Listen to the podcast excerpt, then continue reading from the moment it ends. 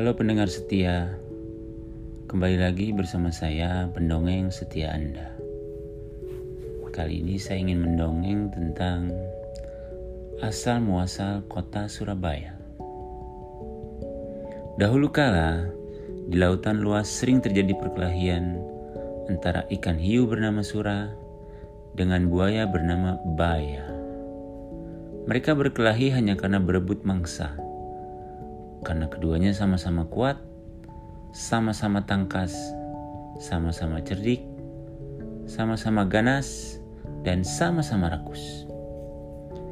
Sudah berkali-kali mereka berkelahi, belum pernah ada yang menang ataupun yang kalah. Akhirnya, mereka mengadakan kesepakatan. Aku bosan terus-menerus berkelahi, Baya, kata Surah.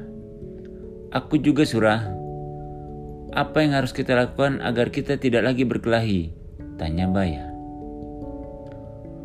Untuk mencegah perkelahian di antara kita, sebaiknya kita membagi daerah kekuasaan menjadi dua.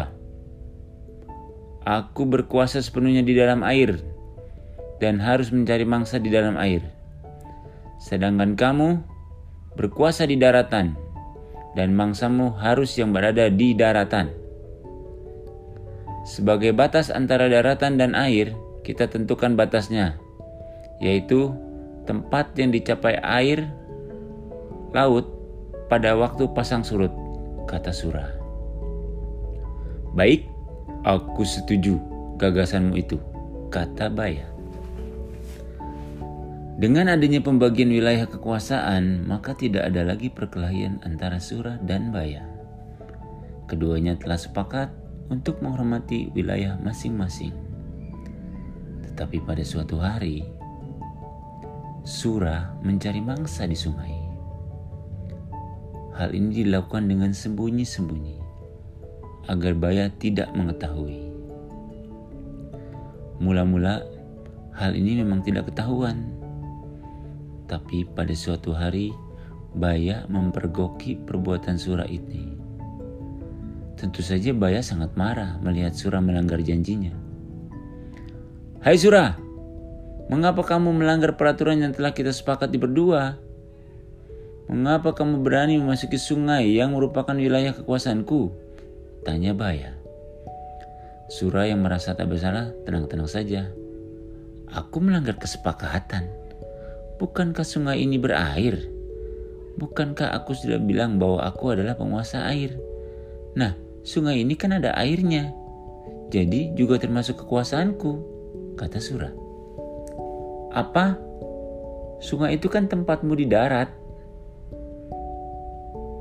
Sedang daerah kekuasaanmu ada di laut. Berarti sungai itu adalah daerah kekuasaanku. Bayang otot. Tidak bisa.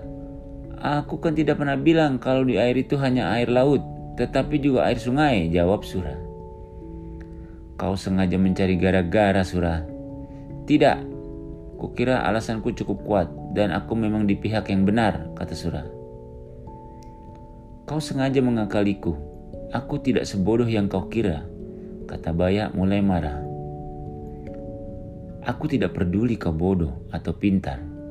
Yang penting, air sungai dan air laut adalah kekuasaanku. Surah tak mau kalah.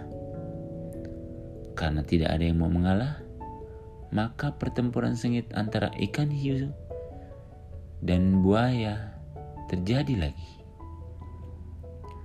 Pertarungan kali ini semakin seru dan dahsyat. Saling menerjang dan menerkam, saling menggigit dan memukul.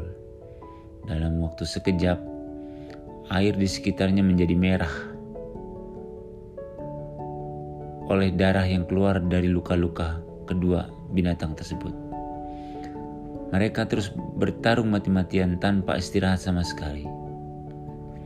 Dalam pertarungan dahsyat ini, Baya mendapat gigitan Sura di pangkal ekornya sebelah kanan.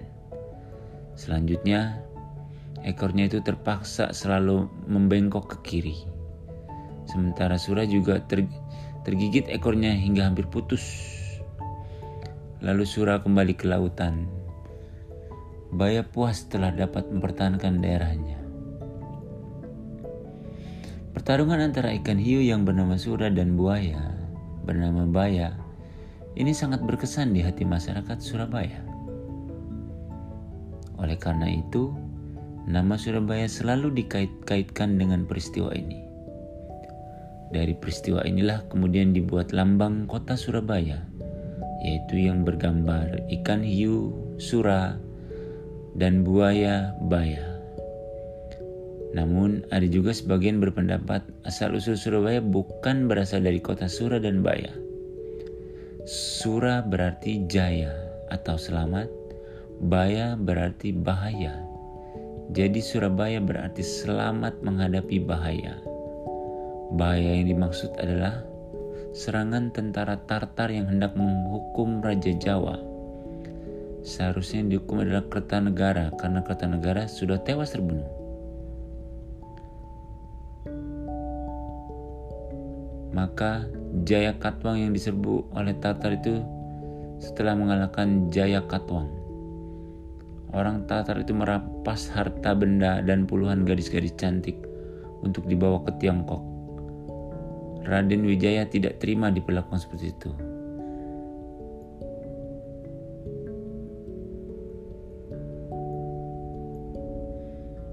Dengan siasat yang jitu, Raden Wijaya menyerang tentara Tartar di pelabuhan Ujung Galuh, sehingga mereka menyingkir kembali ke Tiongkok.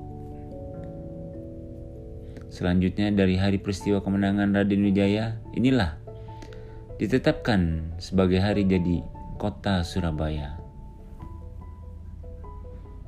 Begitulah cerita dari kota Surabaya. Semoga para pendengar menikmati dongeng saya kali ini. Semoga terhibur. Terima kasih.